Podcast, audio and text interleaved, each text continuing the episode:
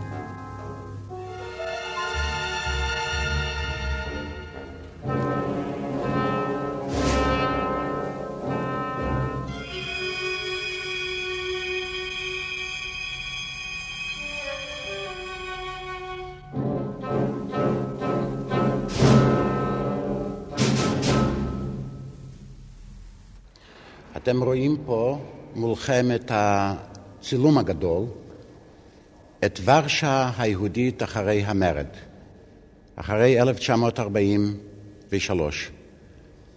אתם רואים שאם פה בית ואין ערובה ואין רחוב, גלי אבנים, גרוטאות. ניסינו לשחזר מחדש את הרחובות היהודיים, את הבתים. כפי שהם עמדו בשנת 1939-1943.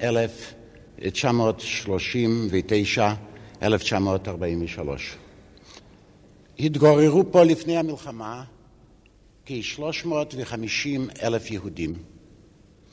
זאת הייתה הקהילה היהודית הגדולה ביותר באירופה. יהודים עובדים, יוצרים, פועלים, חרשתנים, בעלי מקצועות חופשיים, תרבות יידיש, תרבות עברית, בתי ספר, בתי ספר תיכון, תיכוניים, בית ספר גבוה.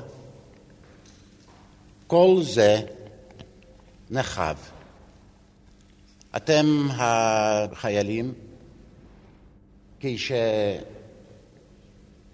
הסערה הסופה, טרם נולדתם, ובכן, 1940 נובמבר, הגרמנים מקימים את החומות מסביב לתחום המושב היהודי, תולשים מעל אדמתם מהעיירות הקרובות הסמוכות לוורשה וממקומות רחוקים יותר, רבבות ומאות אלפים של יהודים, מוציאים את היהודים מהרחובות, מהפרברים של ורשה ומכניסים אותם בכוח לגטו. הנה החומות בפניכם. אנו עומדים מול גטו ורשה, מול הדגל של גטו ורשה. במוזיאון לוחמי הגטאות. אנו עומדים שם, שתי קבוצות של בני אדם, לכאורה קודמים, כולם ישראלים, כולם דוברי עברית, כולם שלווים ובוטחים, ובכל זאת, אלה שתי קבוצות שונות, שונות מאוד. קבוצה אחת, חיילי צה"ל צעירים, שמכל מלחמותינו הם מכירים את מלחמת ששת הימים בלבד. הם מביטים בתימהון ופליאה במכלאה הענקית של הגטו. עיר בתוך חומה. הקבוצה השנייה, אנשים שהיו שם, בגטו, שידעו בחייהם לא מלחמה אחת. בין שתי הקבוצות מפריד הדגם של הגטו. את שני הגטאות לשני חלקים. באותו תחום מושב בגטו נמצאים בתקופות השיא קרוב למחצית המיליון יהודים. שטחו של הגטו הוא כשטחו של קיבוץ לוחמי הגטאות, ארבעת אלפים דונמים, ארבע מאות הקטר. אני נכנסתי לגטו בסוף 1940. באמת, כאשר היה פקודה, במשך כמה ימים אה, היו צריכים לעזוב את הדירות שהיו בחוץ הגטו, או להחליף את הדירות עם ערים שגרו בתוך הגטו ולהיכנס בגטו. מקודם לא חשבנו שהגטו יסגרו, אבל אה, תקף אה, ביום השני אחרי סיום של תאריך לעבור לגטו, סגרו את השערים, העמידו משטרות ואי אפשר היה לעזוב כבר את הגטו. אפילו אנשים שהיה לכם עסקים והיו חנויות עם מפתחות, הכל היו נתוקים מהרכוש שלכם, מהעסקים שלכם. אז הצפיפות הייתה באוכלוסייה כל כך גדולה שאי אפשר לתאר.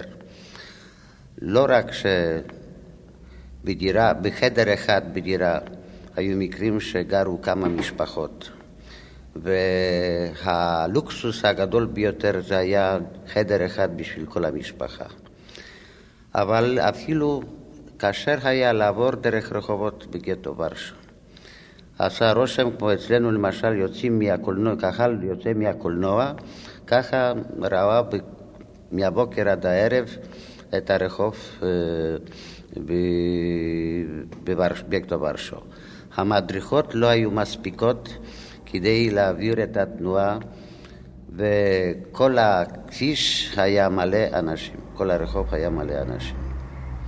לגטו היו כמה חלקים. היה חלק שגם לפני המלחמה גרו אנשים יותר אה, עשירים. אז זה היה חלק יותר יפה, וגם הדירות היו יותר מטופלות, אפילו שגרו הרבה אנשים, מפני שאנשים שבאו מצד הארי גם כן צריך היה לשים לבתים.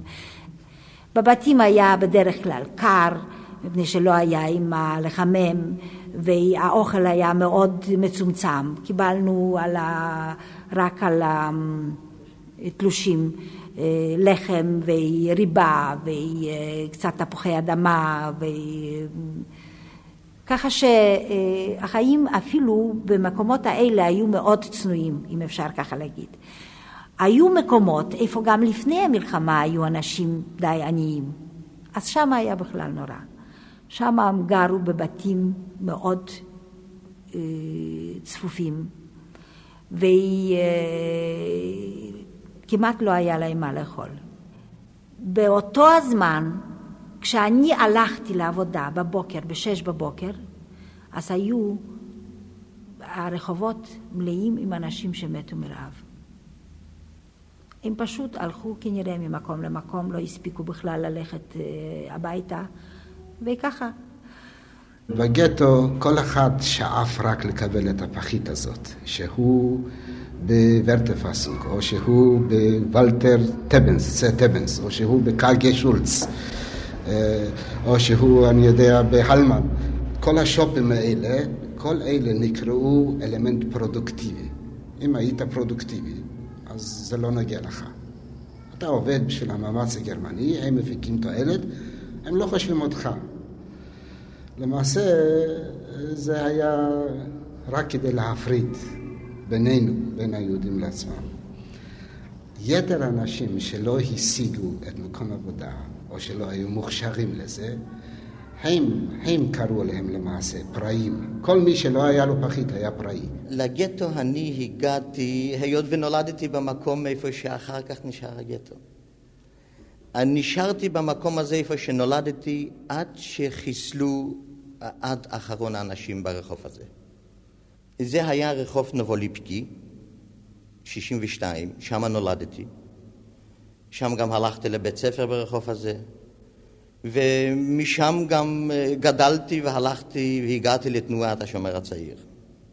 אה, כשאני זוכר את הרחוב שלי, רחוב שקד, שלו, אלה היו חצי יהודים, אפשר להגיד, וחצי פולנים, בקטע הזה איפה שאני גרתי.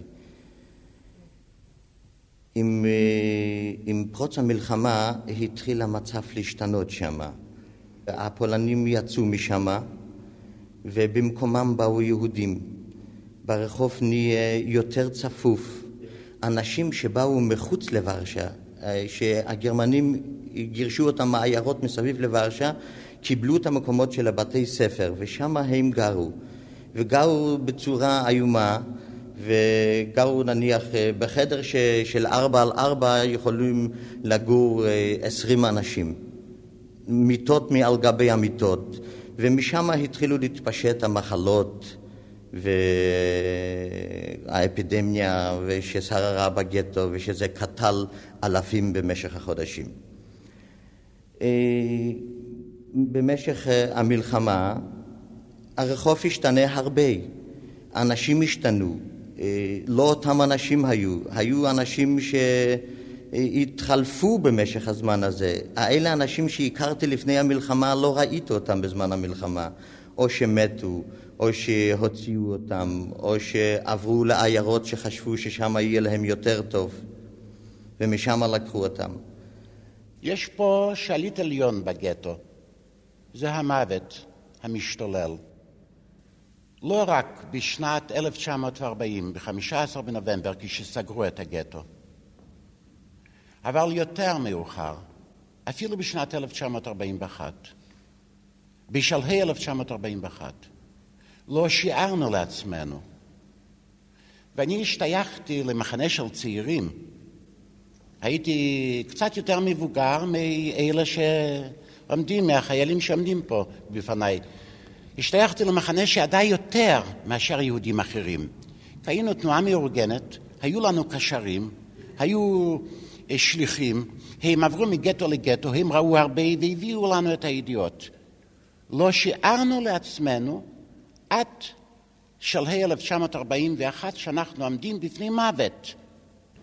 אמרו עלינו לענוד את הענידה, את הטלאי הצהוב, ענדנו. אמרו לנו להיכנס לגטאות, נכנסנו. אבל כל הפעולות האלה עוד לא בישרו את הרצח הטוטלי. כשראינו מה שהולך, אז חשבנו בקטגוריה של פוגרום. אבל לא הייתי עד כדי כך חולה בנפשי לשער לעצמי בשנת 1940 שבכלל ייתכן דבר כזה שלא קראתי עליו אף פעם בהיסטוריה. רצח עם שלם, ללא יוצא מהכלל. הבית הגדול שלנו היה ממש במרכז הגטו. אל הדירות הצרות של האגפים הפנימיים ואל הדירות המרווחות של החזית, החלו להכניס יהודים שגורשו מרחובות אחרים, מרחובות שטוהרו מיהודים. באו אנשים מוכרים ובלתי מוכרים. בחדר אחד היו מתגוררות שתי משפחות, שלוש וגם ארבע משפחות. שכבנו על הרצפה, לא היה מקום לריהוט. כל רהיט טוב לקחו הגרמנים. את יתר הרהיטים שרפנו להסקה בחורב הכבד של המלחמה. לא קיבלנו פחם, לחלק של העיר ניתקו את החשמל, את הגז, ואחרי כן את המים. ולאחר שבנו את החומה, היינו כמה מאות אלפי אנשים בתוך בית כלא. הייתה חומה, בחומה שערים. ליד השערים שומרים. בצד הפנימי שומרים יהודים, בצד החיצוני גרמנים ופולנים. הם היו מזוינים והם ירו.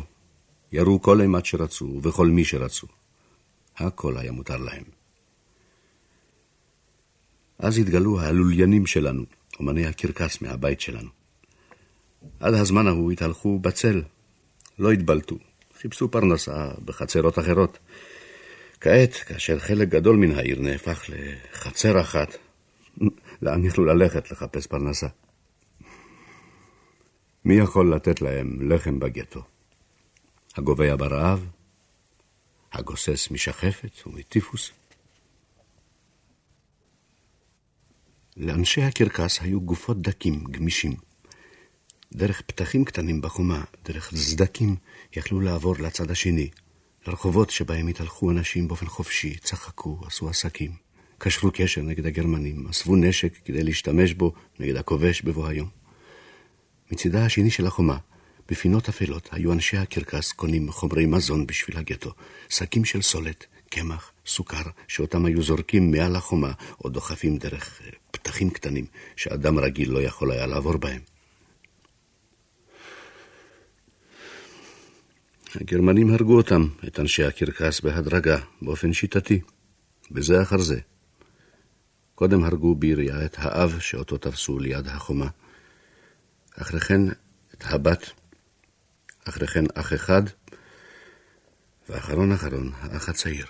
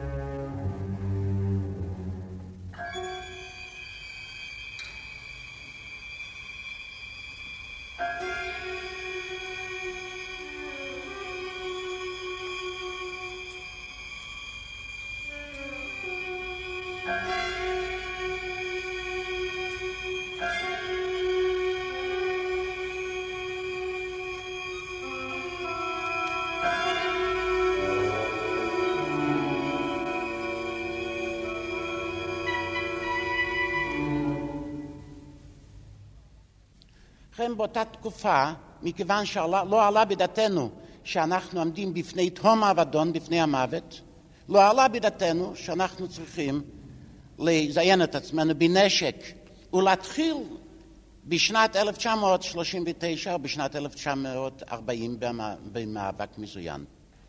אה, אותו אדם שנשלח, שהלך לגטו, והוא לא ידע את משמעות הדברים, למה הוא הולך לשם? הוא לא שאלו אותו, וכשהוא הלך לגטו, הוא איבד הכל, את דירתו, את רכושו, את בית המלאכה שלו, את עבודתו, את המקצוע שלו, וגם מזקיפות קומתו. הוא הוכרח, הכניסו אותו בכוח. אתה לא יכול לשער לעצמך מה זה משעבד, מה זה כובש.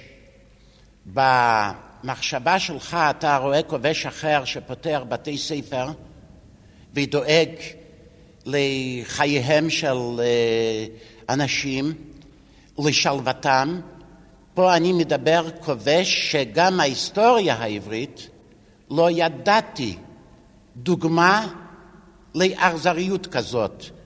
יום אחד בבוקר באה משטרה שלנו, של הגטו, עם כמה גרמנים, ואלה שעבדו שם אז היו מלובשים ככה בדרך כלל, ועוד לא במצב כל כך נורא, אז הם פתאום אמרו שאנחנו מוכרחים ללכת איתם. אני ועוד אה, אחת שעבדה בתור מלצרית. פחד היה כל פעם גדול, לא ידענו מה קרה, אבל הלכנו. אז הביאו אותנו, נתברר שזה היה, אה, הם רצו לעשות באמת תמונות מהגטו, מעוף הפילם. הם רצו כנראה להראות גם לאנשים שלהם ההבדל בין החיים והחיים בגטו. זה, זה לקח לנו משמונה בבוקר, אני חושבת, עד שש אחרי צהריים, כבר המשפחה שלי לא ידעה מה קרה איתי. אכלנו בפקודה, צחקנו בפקודה, הסתובבנו בפקודה, והכל מה שעשינו זה באמת עמדו אה, חיילים מסביב עם, עם רובים. את הצילומים שאתה ראית אותם עשו הגרמנים עצמם. רוב הצילומים אצלנו נמצאים במוזיאון, כ-15 צילומים. מתקופת השואה. את רוב הצילומים עשו הגרמנים. למה הם עשו את זה? היה בולמוס של צילום. הם היו כפי הנראה פתוחים שהרייך השלישי יהיה קיים אלף שנים. ולעת זקנה, ביום של חורף, הם ישבו עם הנכדים שלהם ויראו להם את גדולת מעשיהם, מעשי ידיהם להתפאר. וככה זה נשאר. לו הייתי יכול לקחת אותך ליום שקט בגטו. אנחנו שנינו צעירים, אנשי מחתרת, יוצאים לעבודה שלנו. יום שקט. והנה, אנחנו הולכים ברחובות העיר, ועומדת קבוצה של טייסים גרמניים, תופסים לעבודה. טייסים גרמניים תופסים לעבודה, משמע מכות, אולי רצח של יהודי אחד, ושנינו רואים את זה. אנחנו יכולים ללכת ישר, לפנינו ברירה, באגרופים שלנו, מה שיעשו לנו, יעשו לנו. אפשרות שנייה, יש חצר, מדרגות. שנינו מרימים רגליים, וכבר למעלה. במה היית בוחר? קשה לי לענות על כזה. אם קשה לך לענות, אז אני אגיד לך מה שהיית עושה. היית מרים יודע, רגליים וקופץ לתוך החצר שלא יחטפו אותך. באותו רגע נכשלת כבר. באותו רגע נכשלת.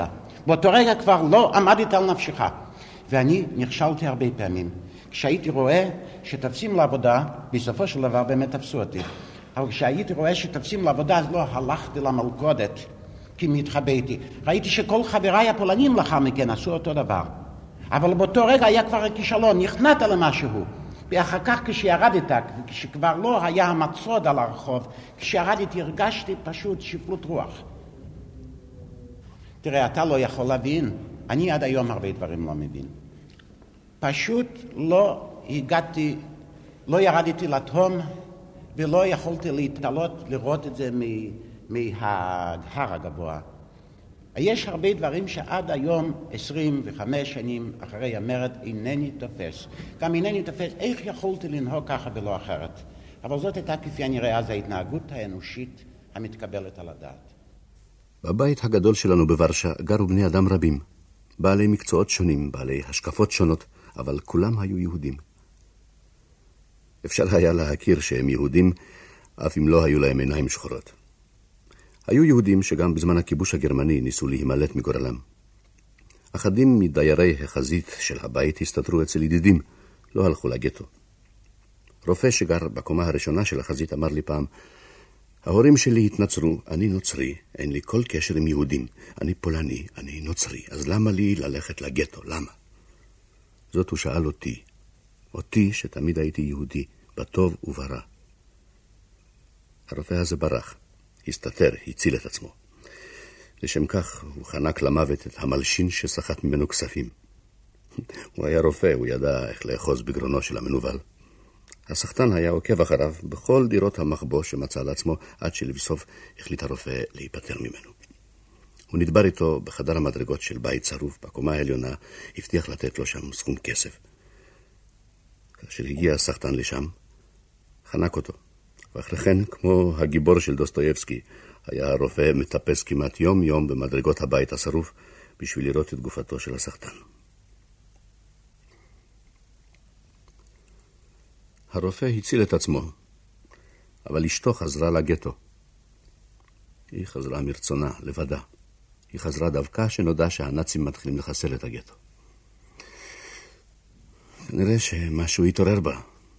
היא יכלה להציל את עצמה, אבל החליטה לחזור דווקא כשהיה ברור שצפוי לה שם מוות. מדוע עשתה זאת? קשה לדעת. אולי התעורר בה הקשר הרופף עם העם דווקא ברגע של סכנה. אולי ייסר אותה מצפונה. אולי חשבה שאם כולם מתים, איזו זכות יש לה להישאר בחיים. האם יש לה זכות להישאר בחיים, בשעה שלכל העם היהודי יש רק זכות אחת? הזכות למות? כשאנחנו אה, מדברים על תגובה של בן אדם, אז אנחנו חייבים להבין ש... בעצם אדם רע במוות גאולה. 22 ביולי 1942, תשעה באב, שנת תש"ב. בהזדמנות זאת אני רוצה להגיד שכל הפעולות הרצחניות של הגרמנים נעשו בימי מועד וימי חג של יהודים. הגרמנים מכינים שטח בירכתי הגטו, הקרוי בפינו אומשלג פלאץ. אתם רואים שם בניין גדול, לידו כיכר ופסי רכבת. הפסים מובילים לטרבלינקה. למטה בעולם, למטה ראיתם את הדגם הגדול זה מחנה המוות טרבלינקה. שם נרצחו כ-700 עד 750 אלף יהודים. כמעט כל יהודי ורשה. ומאותו יום הם מתחילים לאסוף ברחובות העיר, ראשית כל את הקפצנים, את הפליטים, את חסרי האונים, את הקשישים, את החולים, ומובילים אותם מהאומשלג פלאץ לטרבלינקה. ביום השני או השלישי כבר ידענו, אנשי המחתרת, שהמדובר בטרבלינקה במקום קרוב לוורשה. איך? ראשית כל, אותם עקרונות היו לנו בתוך המשטרה היהודית, שוטרים אחדים, ששיתפו פעולה עם המחתרת היהודית, והם רשמו את המספרים של הקרונות. ליום המחרת הם שמו לב שאותם הקרונות חזרו לוורשה, זאת אומרת שהמרחק הוא לא גדול. אחר כך מצאו בתוך הקרונות גדים מגואלים בדם. כלומר קרה איזשהו אסון גדול, רצח. והנהגי הקטרים היו פולנים והם הזכירו את השם טרבלינקה. השם הזה כמעט שלא אמר לנו מאומה. האקציות הייתה להם צורה שונה בתקופות שונות. הם אה, נהגו אה, להופיע פתאום ולסגור קטע של רחוב על ידי שוטרים, על ידי אה, ליטאים, על ידי כוחות עזר שונים ועל ידי נאצים שהם גרמנים שהם השתתפו בכל אקציה כזאת. ואז כל איש שנתפס ברחוב חייב היה להראות להם את הנייר שבידו. וזה העניין של נייר, זאת הייתה שאלה של תקופה. היו ימים שיהודים אה, התרוצצו, שילמו את, אה, את הפרוטה האחרונה והאמינו בתמימות שזאת שאלת חיים וקנו לעצמם, לילדיהם, להוריהם, את התעודה שכאילו הייתה כאילו הבטיחה את החיים. למחרת אה, הנאצי שלקח את העתודה ליד אה, קרע אותה לגזרים ולא הכיר בה. אחר כך הם היו נכנסים לרחוב, לבתים, אה, הם היו סורקים בית אחר בית. הם היו נכנסים לבית, היו סוגרים את השער, והיו קוראים מלמטה, ובוורשה, אני לא יודע אם מוכר לכם הדבר, אלה היו חצרות, חצרות אה, סגורות במין מרובע של מבנים. הם היו סוגרים את השער והם היו נכנסים לתוך החצר הפנימית הזאת וקוראים שעל כולם לרדת ולהתאסף בשורה אה, בחצר. ואלה שירדו, הם היו בודקים שוב את הניירות שלהם לפי אותה כלל, לפי אותה שיטה, ובאותו הזמן עצמו היו עוברים דירה אחר דירה ומחפשים אם לא התרבו אנשים. תוך זה שהם היו מבקרים בדירות האלה, הם היו גורמים לחורבן בתוך הדירות, שודדים מה שיכלו אה, בכלל אה, אה, הופכים את הכל, ואת מי שהם מצאו אז בלי שאלות היו סוחפים איתם לגירוש. היו אוספים את הנשים בתוך הרחוב בשיירות גדולות, מקיפים אותם נאצים ומובילים לאומשלג. האומשלג פלאץ זה היה הכיכר שבו הם היו אוספים אנשים ומשם הם שולחים אותם. הייתה שם מסילת ברזל. לשם היו ניגשים הקרונות. והיה שם איזה מבנה, מבנה ישן, גדול, והכל היה תלוי ביום. היה יום שהם היו אוספים המוני אנשים, ואז האומשלק הזה היה מלא עד אפס מקום. גם בתוך הבית וגם בתוך הכיכר. והיו ימים שאנשים שם שכבו ממש בצפיפות כזאת שלא היה מקום ישיבה. והם אה, אה, או במכוון, או שזאת שיטתם. אה, לא נתנו לאנשים, לא, לא על אוכל אין מה לדבר, לא נתנו להם מים, ואפשר היה לעשות את הצרכים. והאומשלג, היו שם ילדים קטנים וזקנים וחולים ומשפחות שלמות.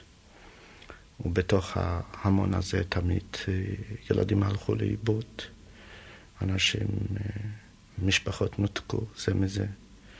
כל הזמן אנשים חיפשו זה את זה, כל הזמן היו אנשים שניסו עוד איכשהו לברוח, ומדי פעם לפעם הם היו יורים ומוצאים את מישהו ומכים בו כדי בכלל להפחיד אחרים. וזה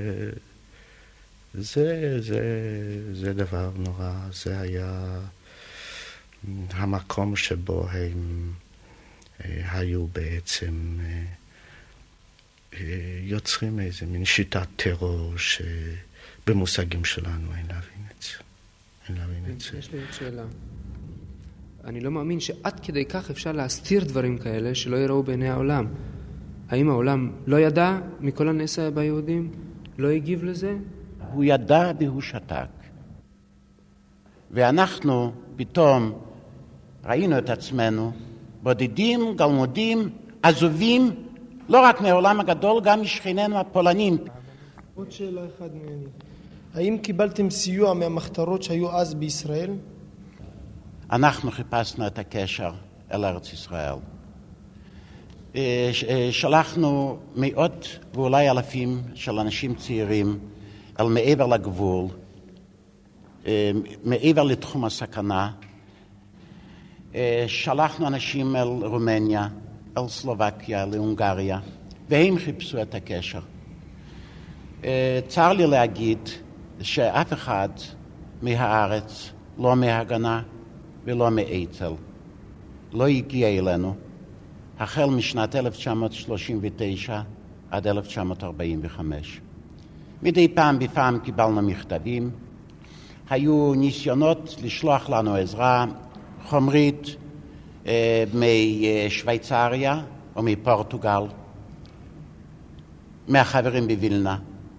אה, יותר אה, ציונים לשבח אינני יכול לתת ליישוב בארץ. עיסוק מיוחד מצא לו אותו סופר משורר, שאת מחברת הרשימות שלו מצאתי בחורבות הבית. המשורר הקים בגטו בית ספר, והוציא עיתון במחתרת. בטופס אחד כתוב בכתב יד, שעבר מיד ליד. עיתון זה לא הביא ידיעות מהעולם הגדול, היו אלה רשימות קצרות, צרורות של מחשבות שנגעו להלך רוחם של האנשים הכלואים בגטו. היו שם סיפורים קטנים ממוסר השכל פילוסופי, רשמים, עיבודים אקטואליים של אגדות, פזמונים, ובכולם חץ חד מכוון כלפי העולם ותרבותו. בעיתון הזה הוא כאילו שוחח עם עצמו, לאור המאורעות שעברו על האנושות. הוא האמין שמה שקורה ליהודים נוגע לכל אדם בעולם. הוא רצה להוכיח שכל האנושות היא מושחתת, אם יכלה להיוולד בה תופעה כמו ההיטלריזם. גורל היהודים היה לו הוכחה לנטיות המרושעות של בני האדם.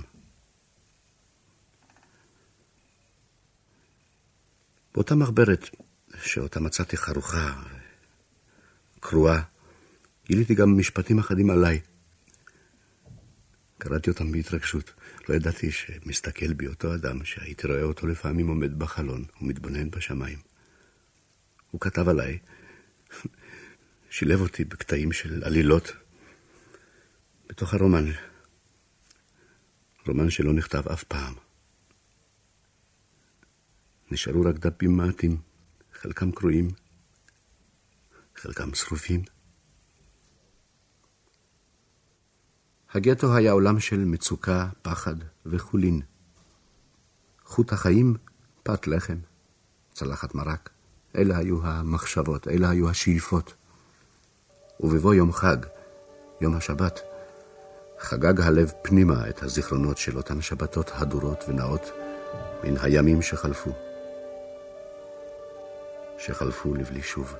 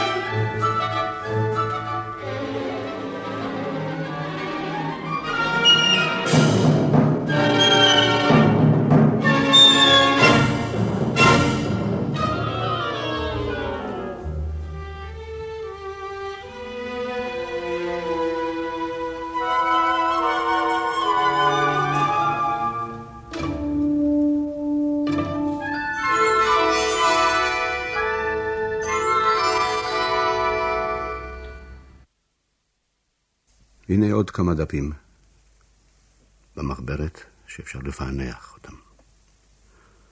סיפור שלם שכתב המשורר שלנו, סיפור של דמיון, סיפור של מציאות. הייתה לי חתיכת לחם.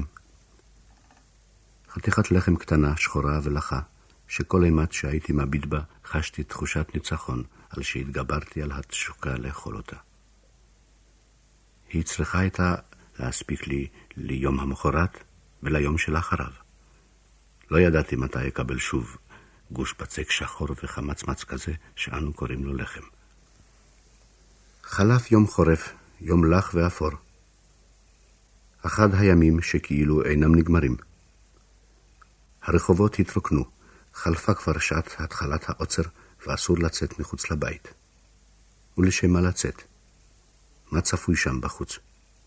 כמה מאות אלפי בני אדם הביטו לתוך החשיכה הדוממת. ואז הופיעו ברחוב הם. הם צעדו, צעדו בקיבה מלאה, צעדו וצחקו. הלמו בנעליהם מקצף של שיר לכת. הם צעדו וישנו, צעדו וקיללו בקולי קולות, צחקו ושרו.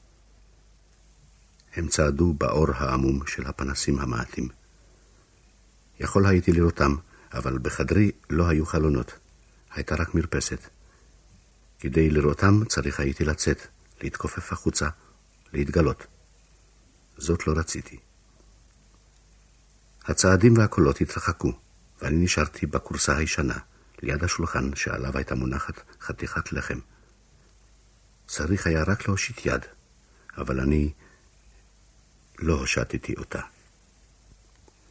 בשמשה השחורה של חלוני הופיעו לנגד עיניי תמונות מן העבר, ואני גירשתי אותן. כולן היו קשורות עם החדר הזה, שבו הייתי פעם בן עשרים, בן שלושים, בן ארבעים. אצלי בראשי היו הזיכרונות. מולי היו תמונות, מהן חדות, מהן מטושטשות, אבל כולן מרוכזות בארבעת הכתלים הללו שבתוכם הייתי כותב וקורא, שמהם הייתי יוצא ועליהם הייתי חוזר. משמר החיילים חזר והפר את הדממה. הגרמנים הלכו לאט. הם לא נעצרו ליד ביתי, לא נעצרו ליד שום בית אחר. אחרי כן נעלמו בתוך הדממה. ואז שמעתי את הקריאה. היא הייתה חלושה, כמעט שלא שמתי לב אליה. מקץ שעה ארוכה שמעתי אותה שוב. לא הבחנתי במילים, אבל ידעתי היטב שיש שם מילים, אף על פי שאינני יודע את משמעותן. הקריאה, הצעקה הייתה חוזרת שוב ושוב, בהפסקות ארוכות. למי היה יכול לקרוא האיש? מי ציפה לעזרה האיש שהתהלך בלילה בגטו? האם לא פחד? האם לא ידע כי אחר שעת העוצר צפוי מוות לכל אדם? האזנתי. הקריאה נשמעה שוב, עולה מתוך רחש הגשם שירד בחוץ. קמתי וניגשתי לדלת המרפסת. בכל החלונות היה חושך, אבל אני ידעתי כי גם שם, מאחורי כל השמשות השחורות, עומדים בני אדם ומביטים. האיש שקרא הלך כנראה לאט מאוד. עברה שעה ארוכה מאוד עד שהצלחתי להבין מתוך הגשם המדפק מה הוא קורא. הקול החלוש הזה ביקש לחם. בשעה כזאת, בשעת לילה מאוחרת, כאשר איש אינו יכול לצאת מהבית, כאשר איש אינו מעז להתכופף מהחלון, איזו קריאה.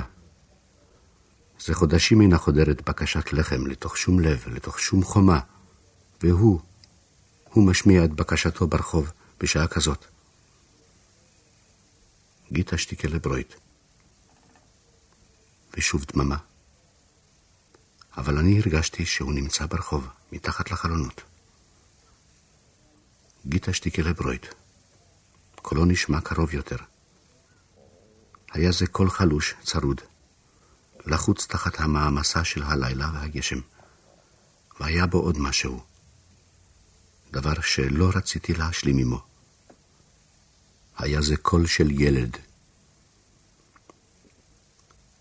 נצמדתי אל דלת המרפסת וחיכיתי זמן רב. על שולחני מונחת הייתה חתיכת לחם. הוא שתק שעה ארוכה, ואחרי כן השמיע שוב את קריאתו, כאילו מתחת למרפסת שלי, גיט אשתיקלה ברויט. גיט אשתיקלה ברויט. היה זה קולו של ילד, כולו ייאוש, אבל ייאוש ללא בכי. הוא השתתק, ואני חשבתי שהתרחק כבר. אולם אחר הפסקה ממושכת שמעתי אותו שוב, מתחת למרפסת. אמרתי לתוך הדממה, לך, לך מכאן, אני מבקשך. יש לי רק חתיכת לחם אחת, לא יותר. והוא חזר על קריאתו, כאילו ידע שאני שומע, וכאילו ידע על הלחם המונח על שולחני. הוא קרא אליו, אל הלחם, ולא אליי, דרך הקירות ודרך הלילה, דרך שמשת הדלת ודרך הגשם. ואפילו בשעה ששתק, אני שמעתי, גיטה שטיקלה ברויט. פתחתי את דלת המרפסת, והגשם הרטיב אותי מיד. התכופפתי והיבטתי החוצה באור העמום של פנס הרחוב. ציפיתי לראות אותו נושא את ראשו אליי, אבל איש לא עמד שם. על המדרכה הרטובה הצטיירה דמות אפלה של ילד. הוא לא שכב שם. כנראה היה שככה, בהיותו שרוע על המדרכה, הוא מנסה לרוץ. מצב הידיים, כיפוף הרגליים, הפרצוף המופנה אל אבני המרצפה, כל זה העיד כאילו על תנועה. ואז שמעתי שוב, גיטה שתיקה לברויט. הוא לא דיבר אל החלונות, הוא לא ראה אותי. הוא ראה רק את אבני המדרכה. שמנה, קראתי בקול רם. הייתי כפוף מעל למעקה המרפסת. ידי החזיקה את הלחם בתוך המקטורן, לבל ירטב. שמנה, קראתי שוב, הסתובב אליי. הגוף זז. הייתה זאת תנועה מוזרה. ראיתי שהוא מנסה לשנות את מצבו, אבל אינו יכול. אני לא יכול, אמר. הסתובב אליי, אמרתי שוב. הרי הלכת עד הנה. לא הלכתי, אמר. זחלתי. קראתי אליו, אבל רטוב שם, יורד גשם. אין לי כבר כוח ללכת, ענה לי. אני רוצה לזרוק לך חתיכת לחם. טוב, תזרוק, ענה. אני זורק. הושטתי את ידי וכיוונתי. כיוונתי היטב. הלחם התגלגל במדרכה, אבל לא די קרוב על ידו. איפה זה? נשמע הקול מהמדרכה. קרוב ליד שלך. זוז קצת. ראיתי את מאמציו. ידו גישישה במעגל על המדרכה הרטובה. קיוויתי שיצליח להתרומם ולהתקדם כמה סנטימטרים. אין, ענה הקול מן המדרכה. ניסיתי להמריצו. הלחם מונח על ידך, זוז קצת למען השם, רק קצת. כן, ענה הקול מן המדרכה, אבל הוא לא זז. בכיתי ודיברתי עליו. בכיתי והסתכלתי ביד הסובבת אט-אט בעקשנות. בקרבת חתיכת הלחם. זוז קצת, אמרתי. עשה כפי שאני אומר לך. אני מנסה, אני מנסה, השיב בקול חלול, שלא גילה שום רגש, לא ייאוש ולא תקווה. היה אמיץ, זוז רק קצת, קראתי מן המרפסת והושטתי את ידי שלי, כאילו יכולתי להעריך את ידו שלו. זרקתי לך את חתיכת הלחם האחרונה שלי, היה אמיץ, צעקתי. והוא השיב, אני אמיץ, אני כבר בן שש. השחר עלה כבר והגשם עדיין ירד. והילד היה שרוע כמו בלילה, כאשר ראיתיו לראשונה. פניו מופנים אל המדרכה הרטובה, ידו מושטת קדימה במאמץ, בקרבת חתיכת הלחם. מי שימצא ראשון את הלחם הזה, הוא שיזכה בו. בי לא נותר עוד כוח בשביל לרדת לרחוב ולהרעים אותו מהמדרכה. ילדים יתומים, או אפילו לא יתומים, שבבוקר יצאו לחלק ארי כדי לפרנס את המשפחות, וזה היו ילדים בגיל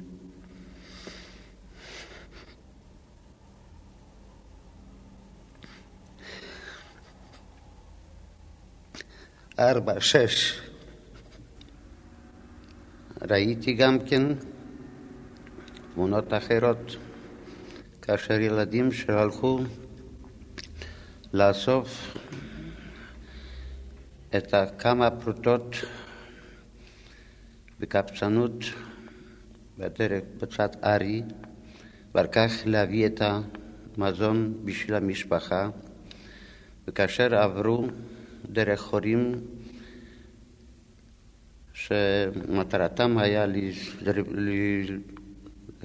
לזרימת המים מרחוב אחד לדרך הר כביש, והיה זה ברוחב של עשרים סנטימטר וגובה של חמש עשרה עד עשרים סנטימטר, שרק ילד קטן ורזה היה יכול לעבור את החור הזה, כאשר שוטרים גרמנים הרגו כל יום כמה ילדים האלה. אז בסכנה נפש הם הלכו מצד ארי כדי לקבל את כמה פרוטות מאנשים רחמניים. אבל זה עוד לא הכל, ולא היה מספיק לעבור את החור. מצד ארי עמדו, כמו קראו אותם, שמלצובניקים. הם לקחו מילדים האלה שוחד עבור אישור לעבור מצד ארי. הילדים בדרך כלל היו הקורבן הראשון של המלחמה. מפני שבוורשה כשפרצה המלחמה הסתובבו ילדים, אלפים ילדים ואף אם שהיו להם הורים לא יכולים היו לתת לילד את המעט אוכל מה שצריך היה. באותו היום כשהגרמנים נכנסו לוורשה הביאו את הרעב. הילדים יצאו החוצה לחפש אוכל, אלפים של ילדים. כאן הייתה הפרובלמה הראשונה, הלחם, שצריך היה לתת לילד. כסף לא היה, אז אנחנו אה, מצאנו מורים והשתדלנו שאלו המורים שהיו בראש בתי הספר, שהם ייקחו לידם מטבחים לילדים. האוכל לא היה לא בשר ולא חלב, האוכל מה זה היה? פעם אחת ביום רק עם חתיכת לחם קטנה. זה לא היו ילדים כבר, זה היו קלטים. באופן כזה היה הרעב, ובאופן כזה הילדים רעבו. ואחרי כל אוכל ואוכל, אז הם שרו שירים עבריים. עשינו מקהלות של הילדים. והם ברצון ושרו במקהלות האלו. הם שרו באופן טרגי, אבל מאוד יפה. ואז הייתה בוורשה חברת צנטוס, מטעם הג'וינט. הכרתי שם את דוקטור קורצ'ק. אוכל להגיד לכם שלא ראיתי עוד אוהב ילדים כמוהו.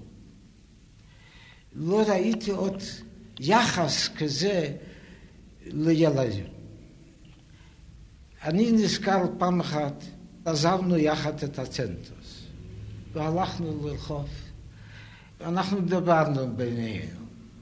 פתאום עבר ילד, ילד זר שהוא לא מכיר מרצון. הוא עזב אותי, ניגש אל הילד הזה, לטף אותו ככה כמו אימא שאל איפה אמא, איפה אבא, ופרטים שיספר לו. ילד קטן, ילד בן ארבע, בן שלוש, בן ארבע. אבל כשהסתכלתי על האיש הזה, עם איזה חיבה, עם איזה התמסרות, הוא ניגש לילד הזה. אני הרגשתי את הלב הגדול שלו, העדינות שלו, האהבה הגדולה, המסירות להכל. אם אני מדבר, אסור לי לשבת, אני צריך לעמוד, לזכור את האישיות הגדולה הזאת, זכרונו לברכה.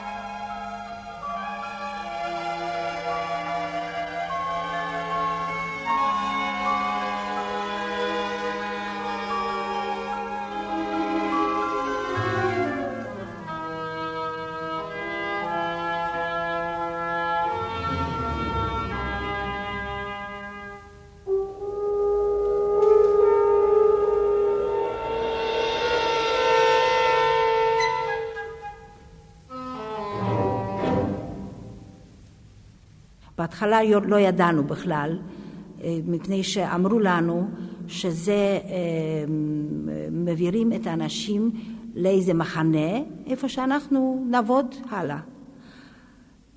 אז עבדתי, כמו שסיפרתי, בחלק הנוצרי, ולקחו יום אחד בחור אחד, בחור, בחור צעיר בגיל 18. ואחרי יומיים הוא חזר אלינו וסיפר לנו שהוא היה כבר ברכבת, ושם אמרו לו שהרכבות הולכים למקום איפה שמחסלים את האנשים, וכשהוא סיפר לנו את זה, אז לא האמנו לו. חשבנו שמשהו קרה לו, שהוא לא מדבר לעניין. אבל אחר כך, כשהוא התאושש קצת, אחרי יומיים, אז הוא סיפר לנו שהעבירו אותו למקום שקוראים טרבלינקה. ושם פגש כבר אנשים שעברו שם כמה זמן, וסיפרו איך שמה הולך הכל. אז הוא היה בחלק של אנשים שהם סידרו את הבגדים, והבגדים שלחו בחזרה לגנרל גוברנמנט, זאת אומרת לוורשה. אז הוא עם הבגדים התחבא ברכבת וחזר לוורשה, ומשם הוא ברח וחזר אלינו וסיפר לנו כל, כל הסיפור. מאז באו כבר עוד אנשים מפעם לפעם, אז ידענו שזה באמת אסון הגדול ואין לנו כמעט ברירה. אז התחלתי, לא רק אני, אבל הרבה אנשים, הקשר עם הנוצרים, כדי לצאת מהגטו. אני יצאתי יום אחד עם העובדים ולא חזרתי איתם בחזרה. התחבאתי שמה וישבתי עד למחרת, ומחרת בבוקר, השכם, יצאתי לרחובות, סתם. הייתה לי כתובת לאן ללכת. אני הייתי בוורשה עד יולי 43, ואז לקחו אותי לברגן בלזן. והגרמנים, לאחר שהם הוציאו רבבות ואלפים, מאות אלפים, הם הקטינו את הגטו. פחות יהודים, פחות שטח.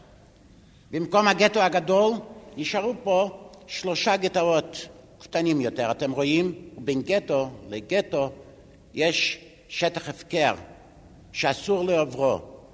ופה סיירים גרמנים עוברים כל הזמן, אנשי אס אס וגשטאפו ושומרים. דינו של איש יהודי שעובר מגטו לגטו בלי רישיון מוות במקום.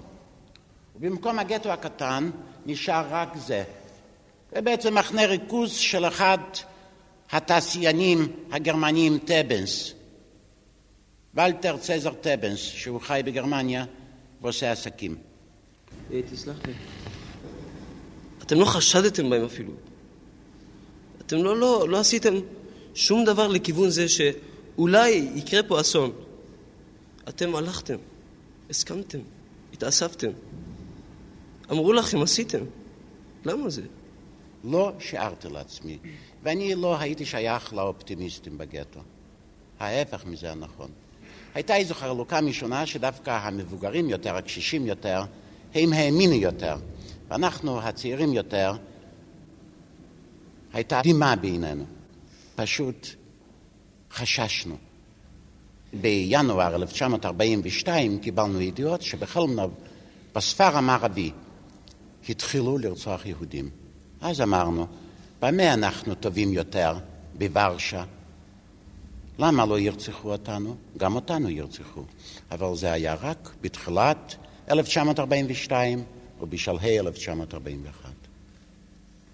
רק אז התחלתם לחשוב שאולי הכוונה פה לא טובה.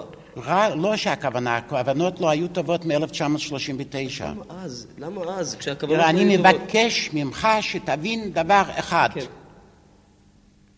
לקחו חיילים מהצבא האדום שלחמו בגבורה בישרי מוסקבה ובישרי לנינגרד והיחידה שלהם או היחידות שלהם נפלו לידי הגרמנים. הנה, עוד אתמול היו לוחמים עזים, היה נשק בידיהם. הגרמנים הביאו אותם כשבויים בתוך קרונות. נסעתי פעם כלא יהודי בדרך בין לובלין ורוביישוב וזמוש. קרונות קרונות ופתאום אני רואה, זה היה עוד ב-1941 ואני רואה אנשים מוציאים את הידיים שלהם מבלי שתהיה להם אפשרות להוציא הגה, מראים רק עם אצבע על הפה, מים, היו שבויים סובייטיים. ולפני שזזה הרכבת ראיתי איך שזורקים מתוך הקרונות עשרות עשרות של גוויות של חיילים, לוחמים, שעמדו בגבורה, זורקים אותם על פסי הרכבת. לאן הובילו אותם? הובילו אותם אחר כך לאושוויץ, לאחד ממחנות הריכוז האיומים, ממחנות המוות האיומים ביותר. ואם תרצה, תפתח את ספרו של הס יימח שמו וזכרו, המפקד הגרמני של אושוויץ, איך הוא רצח את השבויים הסובייטיים, לא יהודים. אז אני ראיתי אותם איך שהם מתחננים למים כמו יהודים, שר מגודלי פרק כמו יהודים, כפופים כמו יהודים, עבדו באושוויץ כמו יהודים, נרצחו כמו יהודים, ואני מודיע לך, אפשר לרצוח כל עם אם יש רק הרוצח שמסוגל לזה. אפשר להפוך כל עם, כל שבט, כל גזע, אפשר להפוך אותם ליהודי הגטו. ובכן, פה מתגוררים עכשיו, בתקופה שאנחנו מתקרבים לקראת המרד, כ-60 אלף יהודים. והנה נסתיימה האקציה, החיסול הראשון, סתיו של פולין, ערב חורף, הגטו מחנה ריכוז מורכב מאלמנות ומאלמנים ומיתומים, בלי ילדים קטנים, הם הוצאו כמעט כולם להורג. בבוקר הם יוצאים לעבודה, עם חשיכה הם חוזרים לבית לא שלהם, לשולחן לא שלהם, לחיים שתלויים על בלימה, והנה צעירים מתמסרים בלי עבודה, בלי תעודות חיים, מתמסרים מהבוקר עד הערב בהקמת הכוח הלוחם היהודי. חולפים שבועות, ינואר 1943, הימלר, היינריך הימלר, מגיע לוורשה. נכנס גם לגטו, רואה שקיימים עוד רחובות יהודיים, ישנם עוד יהודים, הוא מוציא את הפקודה שלו שהיא נשתמרה.